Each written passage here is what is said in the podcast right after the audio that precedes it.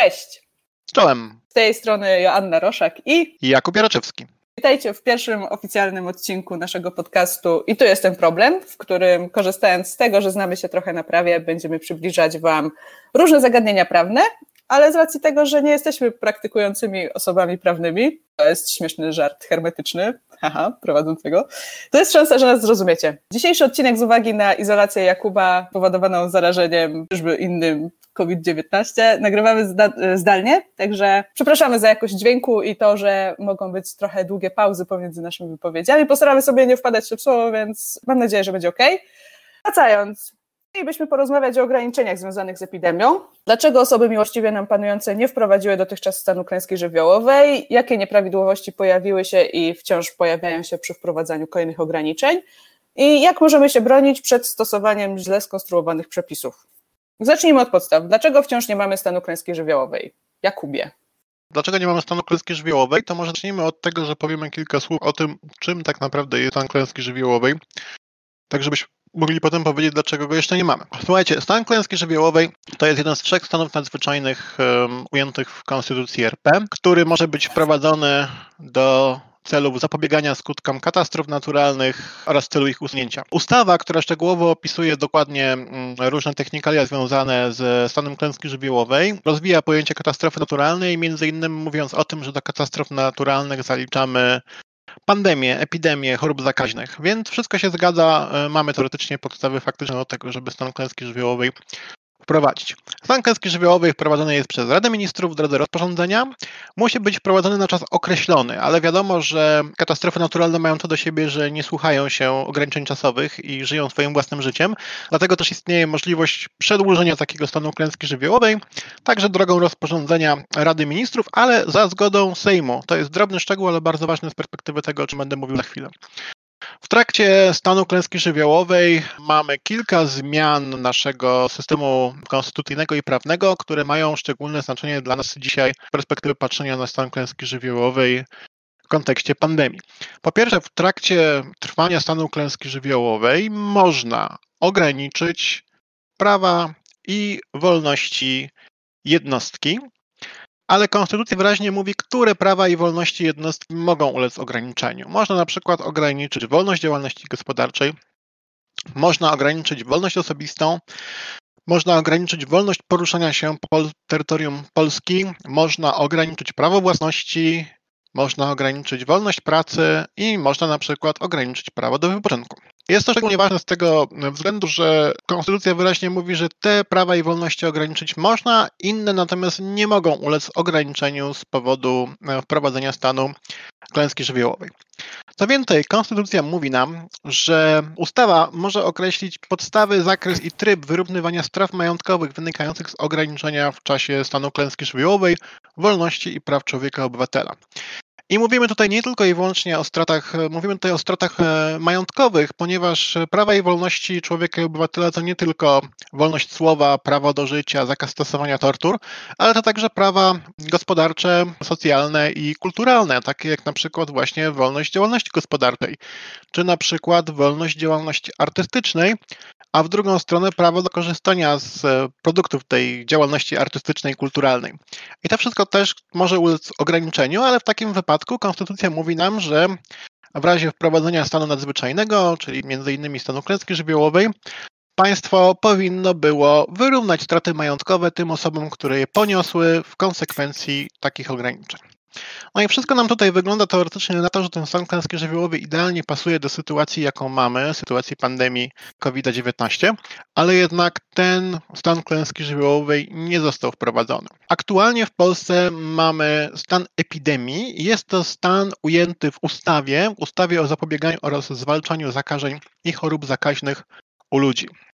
Pomiędzy tym stanem pandemii a stanem klęski żywiołowej jest kilka zasadniczych różnic. Po pierwsze, stan klęski żywiołowej ujęty jest w ustawie, a nie w konstytucji, a ustawę jest o wiele łatwiej zmienić niż jest, e, niż można zmienić konstytucję. W obecnej sytuacji politycznej większość rządząca nie jest w stanie zmienić konstytucji, brakuje im po prostu do tego głosów w Sejmie, natomiast jest w stanie bez problemu zmieniać ustawy. Więc ten stan klęski, e, ten stan epidemii e, może ulec stosunkowo łatwo zmianie drogą e, nowelizacji ustawy. Stan epidemii sam w sobie, po pierwsze, wprowadzany jest drogą rozporządzenia rządu, Rady Ministrów, czyli tak samo jak stan klęski żywiołowej, ale może być wprowadzony tak naprawdę na czas nieograniczony, ponieważ ustawa nie mówi o jakichkolwiek granicach czasowych jego wprowadzenia. Co więcej, jego przedłużenie i w ogóle wyznaczenie ram czasowych nie podlega zgodzie Sejmu, czyli tak naprawdę rząd sam wydecyduje sobie o tym, jak długo stan epidemii trwa i nie musi tutaj w żaden sposób tej sprawy poddawać pod głosowanie w parlamencie. Wreszcie stan epidemii e, ujęty w ustawie także przewiduje możliwość ograniczenia e, praw i wolności, o których zaraz będzie mówiła Joanna, Jednakowoż jest w tym zakresie bardzo ogólny i na przykład e, nie wyznacza nam jakichś konkretnych granic tego, jakie prawa i wolności mogą, mogą ulec ograniczeniu.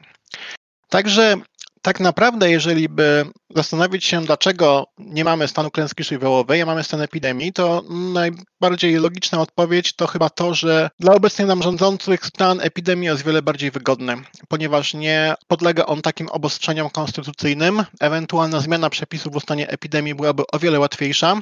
Rygory ograniczenia praw i wolności są o wiele słabsze i rola Sejmu, czyli parlamentu, który ewentualnie mógłby w jakikolwiek sposób tutaj chcieć mieć coś do powiedzenia w temacie tego, czy dalej mamy mieć stan epidemii, jest w zasadzie rzecz biorąc wyłączona, jeżeli tylko e, rządzący tak sobie zechcą. Także z punktu widzenia władzy stan epidemii jest o wiele lepszym rozwiązaniem, z punktu widzenia jednostki, zarówno w zakresie ograniczenia praw i wolności, jak i w kontekście odpowiedzialności państwa za straty majątkowe wywołane przez ograniczenia, to wiele lepszy byłby stan klęski żywiołowej. No ale niestety mamy taką sytuację, że stan epidemii zastosowano, stanu klęski żywiołowej nie wprowadzono. Nawiasie mówiąc, to stan klęski żywiołowej, o ile jest zdecydowanie lepszym rozwiązaniem, to nie jest do końca też sam sobie idealny. Wspominałem, że podczas stanu klęski żywiołowej można ograniczać niektóre prawa i wolności ale na przykład na liście tych praw i wolności, które można ograniczyć w trakcie stanu klęski żywiołowej, nie ma e, wolności sumienia i wyznania. Co oznacza, że zgodnie z literą Konstytucji niemożliwe byłoby prowadzenie rozwiązań, które mamy aktualnie w Polsce, czyli na przykład ograniczenia ilości osób, które uczestniczą w mszy czy jakimś innym religijnym zebraniu. Niestety autorzy e, stanu klęski żywiołowej w Konstytucji nie do końca przewidywali taką możliwość, że zdarzy się taka klęska żywiołowa, która by powodowała, że zgromadzenie się w kościele i pomodlenie się za dobro kraju i szybkie ozdrowienie wszystkich nie jest najlepszym rozwiązaniem, ponieważ mamy do czynienia z globalną pandemią, która rozprzestrzenia się do tego bardzo łatwo. Więc ten stan klęski żywiołowej nie jest w 100% idealny, ale jest zdecydowanie lepszym rozwiązaniem niż posługiwanie się ustawowym stanem epidemii.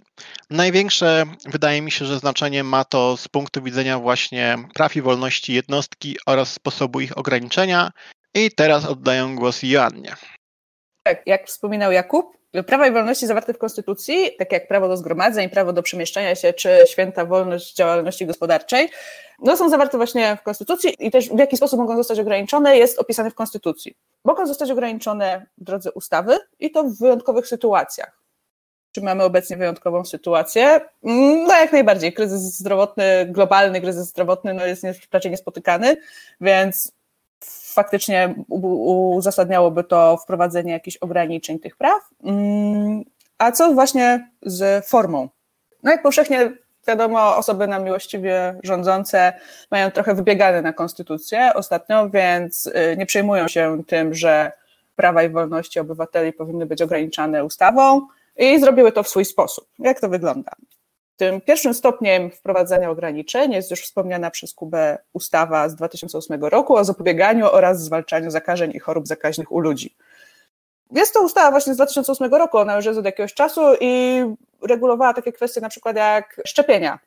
Ale w dobie tej rozpadającej się rzeczywistości wokół nas przeszła drobny lifting i dodano szereg różnych artykułów, na przykład artykuł 46a i 46b, które umożliwiają wprowadzenie na przykład czasowego ograniczenia określonych zakresów działalności przedsiębiorców, czasowe ograniczenie korzystania z lokali lub terenów, nakaz lub zakaz przebywania w określonych miejscach, czy nakaz określonego przemieszczania się. Między innymi, tak, jest szereg różnych różnych innych uprawnień, takie na przykład mogą, może wprowadzić zakaz różnych widowisk artystycznych i sportowych. Tak? No i tu pojawia się właśnie ten pierwszy problem. Ustawa sama w sobie nie ogranicza w jasny sposób tych praw i wolności zawartych w Konstytucji, a jedynie daje podstawę do wprowadzenia tych ograniczeń w inny sposób, w formie właśnie rozporządzenia. Z czym to się wiąże? No wiąże się to z tym, że ustawy trudniej jest wprowadzić, tak? Jednak e, zajmuje to trochę więcej czasu. E, osoby, które miałyby podlegać tej ustawie, właśnie na przykład przedsiębiorcy, mieliby więcej czasu na to, żeby się z tym zapoznać. Być może opozycja parlamentarna byłaby w stanie w jakiś sposób wpłynąć na tę ustawę. E, tymczasem rozporządzenia można wydać ad hoc, po prostu na godzinę przed tym, zanim no właśnie te, te, te, te przepisy wejdą w życie i osoby, które zostają tym objęte, nie mają praktycznie żadnej możliwości, żeby się przed tym obronić, żeby się z tym chociażby zapoznać i się przystosować. To widzieliśmy na przykład tuż przed wszystkimi świętymi, gdy premier wyszedł i powiedział, że okej, okay, świetnie, fajnie, to zamykamy cmentarze na wszystkich świętych i w tym momencie cała Polska ruszyła składać chryzantemy i stawiać znicze na, na grobach w piątek, w piątek po południu. Także musimy się już pogodzić z tym, że raczej w czasie tej epidemii nie będziemy mieli, yy, nasze prawa i, i wolności nie będą ograniczane w sposób konstytucyjny, czyli przez ustawy, tylko raczej raczej tymi rozporządzeniami. I to, był, to byłoby i tak już nadto, ale rządzący nie ograniczają się do tylko jednego, jednego błędu, jednego problemu. Sami te zasady, które sobie wyznaczyli, te, te, te uprawnienia, które sobie nadali w drodze tej ustawy, no ich nie przestrzegają. I te rozporządzenia właśnie, obecne rozporządzenie Rady Ministrów, bardzo mocno wykracza poza te ramy, które właśnie ta ustawa narzuciła. Tak, w ustawie z 2008 roku jest napisane, że możliwe jest czasowe ograniczenie działalności gospodarczej przedsiębiorców, podczas gdy w rozporządzeniu mamy takie pojęcia jak zakaz albo do odwołania, co de facto sprawia, że niemożliwe jest prowadzenie jakiegoś określonego typu działalności gospodarczej w całości. Jeżeli jest zakaz otwierania dyskotek, to jest zakaz otwierania dyskotek. Nie możesz mieć klubu, no bo co, nie zrobisz, no możesz zrobić teoretycznie zdalną dyskotekę, ale no nie będzie to samo tak? Czy chociażby to właśnie do odwołania. Nie jesteś w stanie przewidzieć, jak długo to będzie. Czy to będzie tydzień, czy to będzie miesiąc. Znowu, może być tak, że rozporządzenie zostanie znowelizowane i godzinę później dowiesz się, że twój zakaz zostaje zniesiony i nie jesteś w stanie się przygotować, więc nagle tracisz dwa czy trzy dni działalności, ponieważ wszystko zmienia się tak szybko. Jest to roller coaster na pewno do, do, dla przedsiębiorców. No i też problem właśnie jest to, że przez to, że jest to wprowadzane wszystko rozporządzeniem, nie ma tej odpowiedzialności odszkodowawczej państwa wynikającej ze stanu klęski żywiołowej. Można teoretycznie dochodzić jakichś swoich praw innymi drogami, cywilnymi, ale to by wymagało też przepuszczenia wszystkiego przez Trybunał Konstytucyjny. Jak wiemy, nie jest to ostatnio łatwe. Działalność gospodarcza nie jest jedyną, jedyną rzeczą, która oberwała tymi rozporządzeniami. Są też inne wolności, na przykład tak podstawowe prawo jak prawo do przemieszczania się. Mamy teoretycznie gorącą prośbę Rady Ministrów do osób starszych, ażeby nie wychodziły bez potrzeby. Jednak ta gorąca prośba jest zawarta również w tym rozporządzeniu i tak osoby powyżej 70 roku życia mogą przemieszczać się wyłącznie w celu wykonywania czynności służbowych czy zaspokojenia niezbędnych potrzeb związanych z codziennym życiem. No i oczywiście do kościoła, no bo nie można zabrać tego osobom starszym. Więc czy to jest prośba? No raczej nie, skoro znajduje się w przepisach i jest usankcjonowana jakimiś przepisami. Innym sposobem ograniczania, który budzi wiele kontrowersji, jest to, że osoby poniżej 16 roku życia nie mogą przemieszczać się samodzielnie w godzinach pomiędzy 8 a 16. Jest to taka arbitralna decyzja, w sumie nie poparta żadnymi, żadnymi argumentami, no bo dlaczego pomiędzy 18, 8 a 16, dlaczego nie pomiędzy 7.45 a 16.30? Ciężko jest przestrzegać przepisów, które raczej ciężko nam uznać za racjonalne, nawet jeżeli w tym rozporządzeniu są racjonalne przepisy, takie jak noszenie maseczek, czy potrzeba dezynfekcji rąk, na przykład przed wejściem do sklepu, tak? Inną wolnością, o której wspominaliśmy, która również została ograniczona w tym rozporządzeniu, ale nie została ograniczona w jakiś sposób no, konsekwentny do końca, jest wolność zgromadzeń ponieważ rozporządzenie w jasny sposób mówi o tym, że dopuszczalne są zgromadzenia jedynie do pięciu osób, a jeżeli się pojawi jakieś kontrzgromadzenie, to musi się znajdować w odległości co najmniej 100 metrów. I wyłącza to możliwość takich spontanicznych zgromadzeń, które ostatnio na przykład obserwowaliśmy na ulicach wielu miast polskich w związku z wyrokiem Trybunału Konstytucyjnego w sprawie aborcji. No i czy wyobrażacie sobie w tym momencie taki strajk kobiet na pięć osób w Warszawie, który próbuje iść na Nowogrodzką, no, no byłoby to co najmniej mało efektywne, mało efektowne też przy okazji.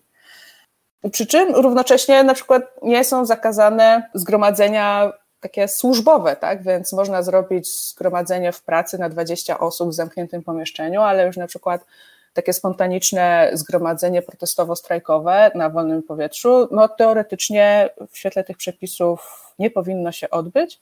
No a z racji tego, że są przepisy, które coś zakazują bądź nakazują, wiąże się to też z, z karami. I jakkolwiek by rząd nie mówił, że zakaz przemieszczania się seniorów jest gorącą prośbą, to w dalszym ciągu są to właśnie sytuacje opisane w, rozporządzeniu i może przyjść sanepid i może powiedzieć: Dzień dobry, nie przestrzegają Państwo tutaj przepisów i za to należy się kara, kara administracyjna. I może o karze administracyjnej opowie więcej Jakub. Słuchajcie, jakie są problemy z tym, jak my, obywatele, możemy wzruszyć ewentualne kary, które są na nas nakładane w konsekwencji stosowania tych ograniczeń, o których wspomniała Joanna? No, tak jak już zostało powiedziane, podstawowym środkiem dyscyplinującym społeczeństwo są kary administracyjne nakładane przez Sanepid. I wydawałoby się tak instynktownie, że kara administracyjna to jest coś fajnego, a na pewno lepszego niż mandat od policji czy sprawa w sądzie karnym wniesiona przez prokuraturę. Ale tylko pozornie. Przepisy wprowadzające te kary między innymi prowadziły także generalną zasadę, że kary administracyjne nakładane przez Sanepid za naruszenie różnego rodzaju ograniczeń związanych z pandemią są po pierwsze wykonywane natychmiast. Czyli w momencie, w którym sanepid nakłada na Was e, ileś tam set złotych albo tysięcy złotych kary za naruszenie jakiegoś ograniczenia, to może zacząć egzekwować te pieniądze od Was natychmiast. Nie musi czekać na jakąkolwiek odwołanie, na decyzję sądu. Po prostu od razu może zażądać, żebyście zapłacili te pieniądze, a jak tego nie zrobicie, to nasłać na Was komornika, który wejdzie Wam na pensję, konto bankowe, oszczędności czy inne Wasze e, doczesne e, tutaj bogactwa. To po pierwsze, i to jest o wiele in, różne e, w stosunku do tego, jak to działa w prawie karnym, ponieważ poza oczywiście tam środkami zapobiegawczymi, o których mówiliśmy w poprzednim odcinku, to generalnie kary takie jak na przykład grzywna mogą zostać nałożone dopiero drogą prawomocnego wyroku sądu, czy prawomocnego, czyli po waszym ewentualnym odwołaniu się. Co więcej, w prawie karnym mamy domniemanie niewinności, więc tak naprawdę nikt nam nie może, nie może nas ukarać do momentu, w którym nie zostanie nam udowodnione przed niezależnym, niezawisłym sądem, że jesteśmy winni popełnienia jakiegoś przestępstwa albo wykroczenia. Natomiast w przypadku kar administracyjnych, tak naprawdę w momencie, w którym sanepid stwierdza, że naruszyliśmy na przykład przepisy dotyczące kwarantanny czy izolacji, to już od razu może od nas skutecznie żądać pieniędzy. Oczywiście możemy się odwołać w pierwszej kolejności do sanepidu wyższego rzędu, a następnie, jeżeli tamten się nie przychyli do naszego stanowiska, to możemy całą sprawę wnieść do sądu administracyjnego. Jasne. Tylko to nie wstrzymuje wykonania tej kary. A co więcej, Doświadczenia z naszego pierwszego lockdownu z e, marca, kwietnia, maja wskazują, że sądy administracyjne były pierwszymi, które zamknęły się całkowicie, przestały po prostu prowadzić sprawy i wyłączyły swoje działanie. Co sprawia, że teraz w listopadzie sądy administracyjne dopiero powoli zaczynają przerabiać sprawy z marca i kwietnia dotyczące ograniczeń, które wtedy funkcjonowały i osób, które zostały ukarane karami administracyjnymi wtedy. I to wszystko sprawia, że to wszystko stawia jednostkę w bardzo nieciekawej sytuacji, bo utrudnia wydatnie e, skuteczne wzruszenie prawne takich środków, a mieliśmy już do czynienia z wieloma przypadkami, w których nałożenie takich kar było całkowicie absurdalne. Tutaj mówimy o historii ludzi, którzy musieli zapłacić po kilka tysięcy złotych, dlatego że przejechali się rowerem po bulwarach wiślanych gdzieś w marcu czy kwietniu, czy inne mm, przypadki jakichś niewspółmiernie zupełnie kar, które zostały nałożone na osoby, które w bardzo, że tak powiem, wątpliwy sposób naruszyły mm, ograniczenia. I oczywiście oprócz sądów są inne organy mm, państwowe, które mogą nam pomóc. Rzecznik Praw Obywatelskich Adam Bodnar jest niesamowicie aktywny na froncie pandemicznym i bardzo często działa na rzecz obywateli, starając się doprowadzić do wzruszenia różnego rodzaju kar. Zazwyczaj na przykład kontaktując się z sanepinami, prosząc ich o wytłumaczenie, dlaczego nałożyły tak wysoką karę i wnosząc o to, żeby zmieniły swoje stanowiska. To się okazuje skuteczne, bo wtedy ktoś w kierownictwie tego sanepidu bierze daną sprawę, przygląda jej się bliżej i stwierdza, że kurczę, faktycznie przegięliśmy tutaj trochę z tymi 20 tysiącami złotych kary, weźmy to, umóżmy i dajmy sobie z tym spokój, bo Rzecznik Praw Obywatelskich zaraz to nagłośni i cała Polska będzie mówiła o tym, że sanepid w Poznaniu tutaj kogoś w ten sposób potraktował. Ale to są działania spontaniczne i ad hoc w poszczególnych sprawach. To są bardzo dobre działania rzecznika, ale to są działania nadal bardzo takie rozproszone. Najlepiej by było, żeby ktoś się zajął tym bardziej systemowo i Idealnie by było, żeby legalnością tych przepisów, tych ograniczeń i kwestią tego, w jaki sposób one są wprowadzane, kwestią tego, czy e, stan epidemii jest właściwy do stosowania w tej sytuacji, tym wszystkim powinien był zająć się Trybunał Konstytucyjny. Tylko jak ha, chyba ha. już, no właśnie, haha, jak myślę, że już wszyscy jesteście w stanie to stwierdzić, Trybunał Konstytucyjny przestał być niezależnym organem kontrolującym prawo w Polsce. Jest taką wydmuszką, cieniem swojej dawnej świetności. Trybunał Konstytucyjny znajduje się całkowicie pod kontrolą polityczną, ponieważ jego kierownictwo tak naprawdę instrukcje co do swojego działania pobiera na ulicy Nowogrodzkiej w Warszawie u Jarosława e, Kaczyńskiego. I ten Trybunał nie jest żadnym gwarantem rzetelnego spojrzenia na przepisy prawa, oceny, czy te przepisy są zgodne z konstytucją, czy są zgodne ze standardami międzynarodowymi, na przykład Europejską Konwencją Praw Człowieka. I nie ma żadnej mowy o tym, żeby ten Trybunał Konstytucyjny w sprawie politycznej, w sprawie, w której byłby jakikolwiek interes partii rządzącej, żeby ten Trybunał orzekł nie pomyśli tej partii.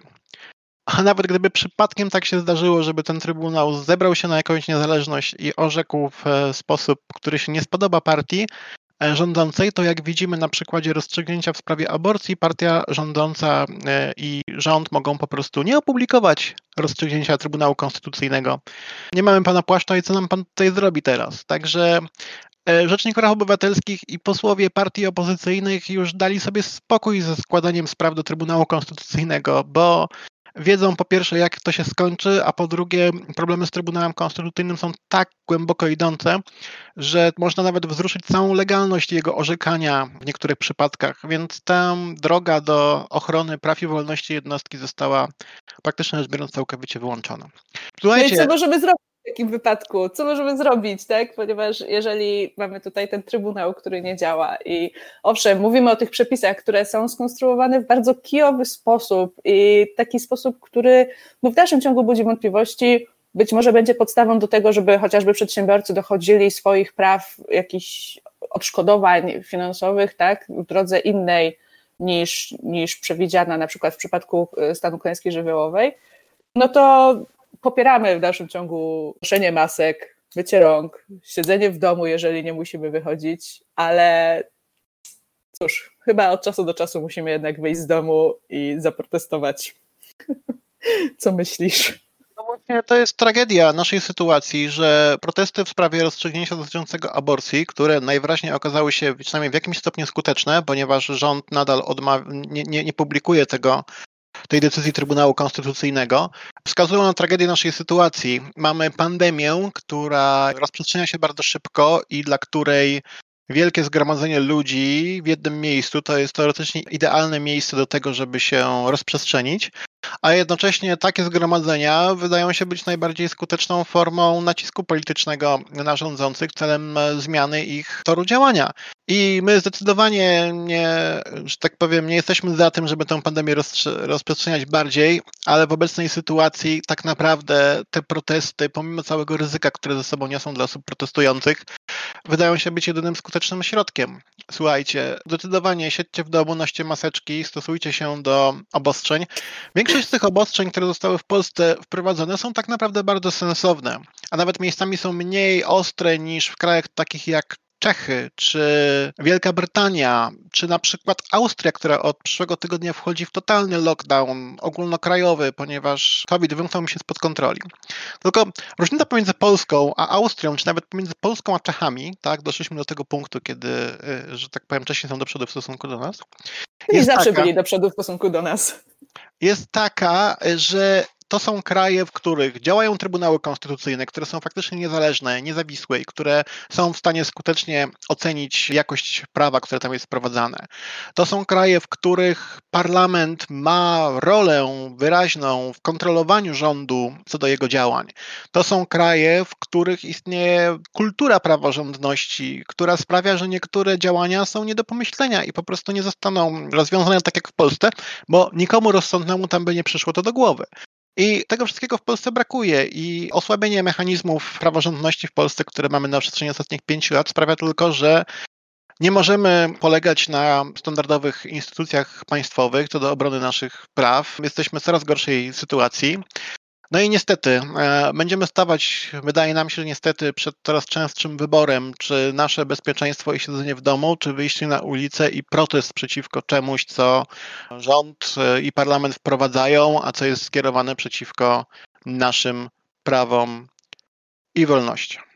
Słuchajcie, e, dobiegamy powoli do końca, ale zaczęliśmy mówić o protestach na ulicach i to jest dobre wprowadzenie do zajawki naszego następnego odcinka, który poświęcony będzie. Tum, tum, tum, aborcji. Tak. W następnym odcinku będziemy mówić o ostatnim rozstrzygnięciu Trybunału Konstytucyjnego w kwestii aborcji i tego w ogóle, jak ma się sytuacja aborcją w Polsce z punktu widzenia prawnego. Przy odrobinie szczęścia, czytaj, jeżeli COVID mnie nie zabije w ciągu tego tygodnia i wszystko pójdzie tak, jakbyśmy chcieli, to będziemy mieli dla Was małą niespodziankę przy kolejnym odcinku, ale nie chcemy zapeszać, bo sytuacja jest taka, jaka jest. W najgorszym wypadku spotkacie się po prostu z nami, tak jak dotychczas, czyli będę ja, będzie Jakub, będziemy ale, opowiadać Ale rzeczach. może przy odrobinie szczęścia będziemy w jednym pomieszczeniu i troszeczkę bardziej interaktywnie, a nie, że tak powiem, całkowicie zdalnie. Słuchajcie, bardzo Wam dziękujemy za wysłuchanie nas dzisiaj. I co? I do usłyszenia w następnym odcinku. Pa. Do usłyszenia w następnym odcinku. Pa, pa! Trzymajcie się. Hej! Hej!